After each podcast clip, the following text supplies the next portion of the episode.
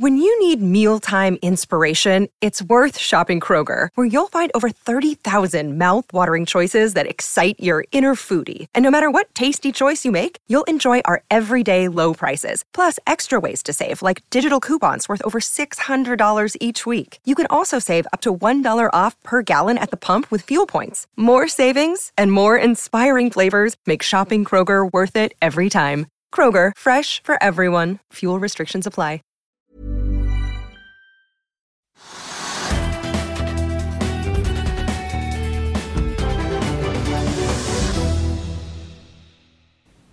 Velkommen til Økonominyhetene. I dag skal vi se nærmere på hva som rører seg på Europa-, Asia- og USA-børsene. Vi skal også touche innom utpressingssaken som akkurat nå foregår i Oslo tingrett mellom Torpedo Tor Erik Iversen og Kjell Røkke. I tillegg skal vi få teknisk analyse av Frontline. Vi begynner med Oslo Børs her hjemme. Trygve. Akkurat nå er vi ned 1,4% Hva er det som skjer der ute som presser oss ned?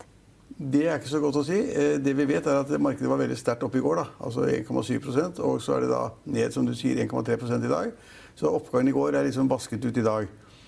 Og eh, det kan være flere ting, men hvis vi da ser litt på shipping og olje og sånn, så er det altså oljeprisen er litt ned. Ja, Nå ser vi 57 nå ser på Brentoljen. 57-tallet, og det er ned på Brenten. Og det er ikke bra for eh, oljesektoren, det er ikke bra for offshoresektoren. slik at vi ser at uh, oljeselskapene er ned. Equinor er ned 1 Aker BP er ned et par prosent. Subsea 7 er ned. Altså olje og oljeservice de er litt sånn avventende og litt engstelige. Og markedet faller, det snakket vi også om i går, at liksom det, tendensen er litt nedover for, for oljeprisen. Uh, og det slår da ut med en gang med de aksjer som vi regner som korrelert med da oljeprisen, nemlig da de jeg nevnte, pluss da andre uh, offshoreselskaper. Og Doff, et annet selskap som driver da InSupply, offshoreselskap, det er da ta, en av taperne i dag. Ned 21 akkurat nå. Ja, for der er det nå kommet frem, vi har snakket om det mange ganger, men Doff har, har en elendig økonomi. Masse opplag osv. Og, så og, og de må da gjennom en refinansiering. Og, da, og, det får de kanskje til, det vet jeg ikke. Eh, I forbindelse med den refinansieringen så vil man også da sannsynligvis kreve da innbetaling av mer penger, altså en emisjon rettet mot aksjonærene eller andre, for å skaffe penger i selskapet. Så den, den er dagens taper. Og sammen da med det at oljeselskapene faller fordi at oljeprisen faller, og oljeservice generelt faller litt, så er det det som preger børsdagen mest i dag. Det er det. Men hvis vi ser på litt større eller kanskje mindre hendelser, er et riktigere ord. Mange har jo gått og ventet på om vi kommer til å få noe avklaring på en handelsavtale mellom USA og Kina. Så i går det, fikk man høre ordet miniavtale. Eh, fordi USA og Kina skal møtes denne uken ja, til nye samtaler. Ja. Men nå tror, nå tror, vel flere at man kanskje skal få opp Og det er nødvendig ikke good news, men en type miniavtale hvor, hvor, eh, hvor USA og Kina åpner opp for å komme til enighet om noe, men ikke om de store tingene.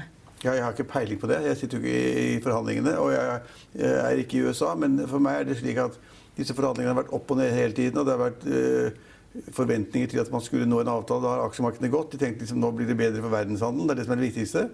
Hvis de får, får, får en handelsavtale mellom Kina og USA, så tenker man at liksom hele verden faller på plass. og at verdenshandelen Men det øker. gjør den ikke. For USA-børsene åpner ned i dag på nye bekymringer om nettopp handelsavtale. Ja, så, så, det der er liksom, Man kan ikke spekulere. Det er anybody's guess. Og man kan ikke spekulere om blir det en avtale nå, eller hvorfor blir det ikke nå.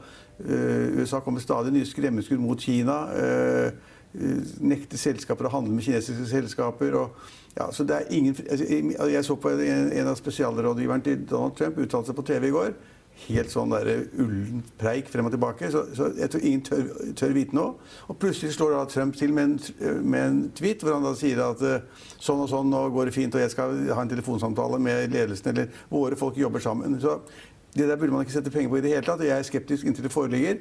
I mellomtiden har også da USA utfordret EU med altså da eh, krever en ny handelsavtale mellom EU og USA, som også er ganske kreativ og krevende.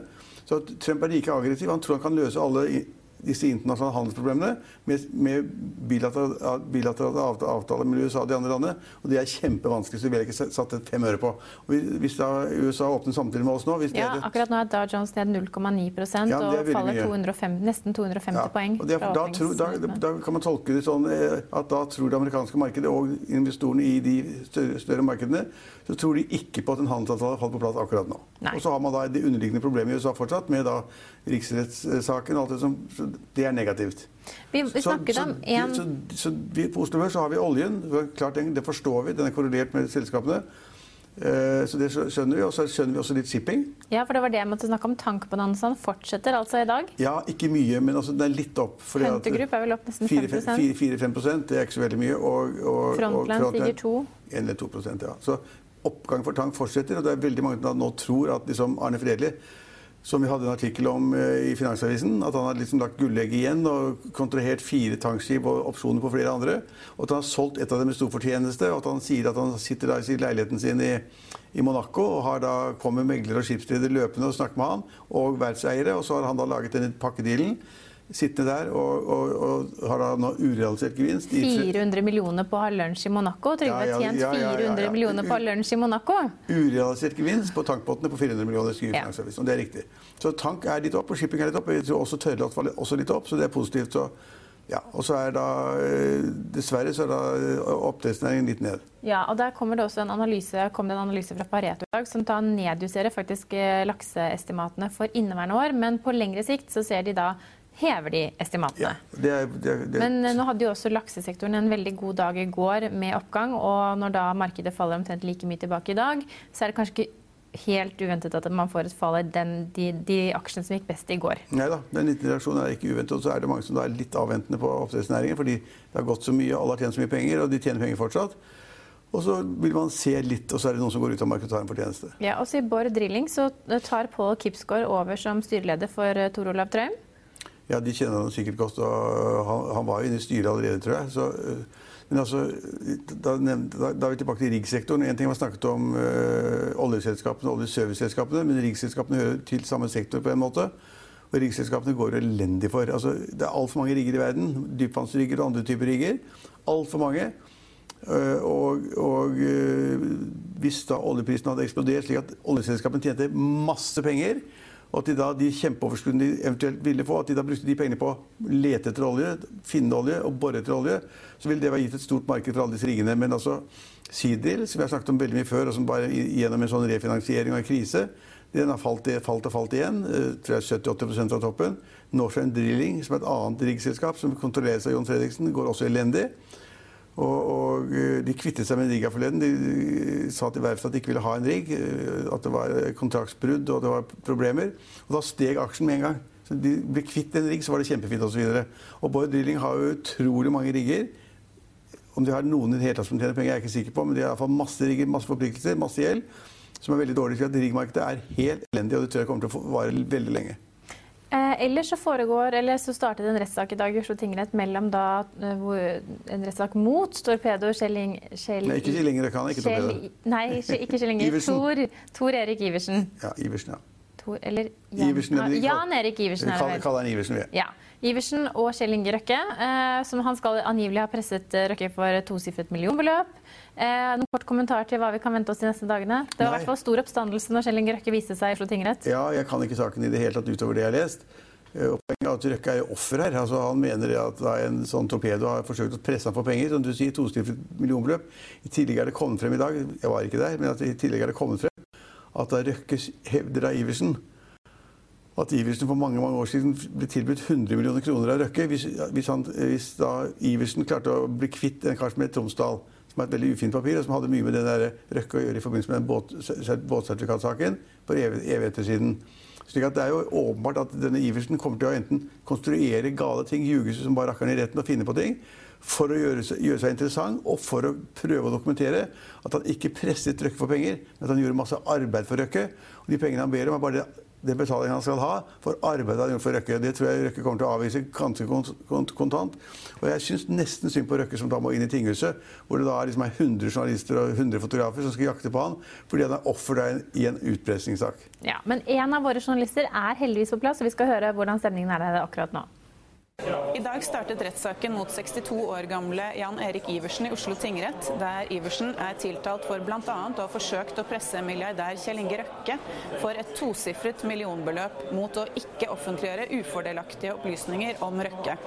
Ifølge tiltalen fant disse hendelsene sted høsten 2017 og begynnelsen av 2018, men Iversen hevder på sin side at man må se saken i et større perspektiv. Han hevder at han og Røkke startet sitt profesjonelle forhold, eller sitt profesjonelle samarbeid, på begynnelsen av 2000-tallet i forbindelse med den mye omtalte båtsertifikatsaken. For nesten 20 år siden skal Røkke ha hyret inn Iversen for å kvitte seg med finansakrobat Christer Tromsdal, ettersom Tromsdal skal ha sittet på lydopptak i forbindelse med båtsertifikatsaken, og også skulle vitne mot Røkke i denne saken. Iversen hevder at Røkke skal ha tilbudt ham hele 100 millioner kroner for å fjerne Tromsdal. Eh, og Det er altså det han mener er oppstarten til hele denne saken, og også noe som han da har forklart seg om i retten i dag. Vi er tilbake i morgen klokken 15.30. Følg med oss igjen da.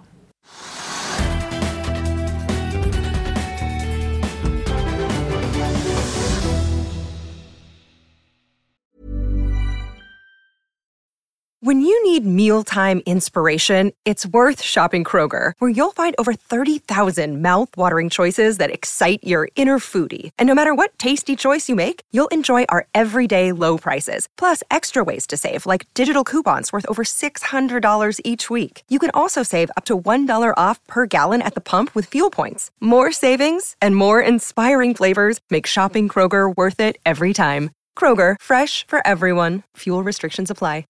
Life's better with American Family Insurance because our home policies help protect your dreams and come with peace of mind.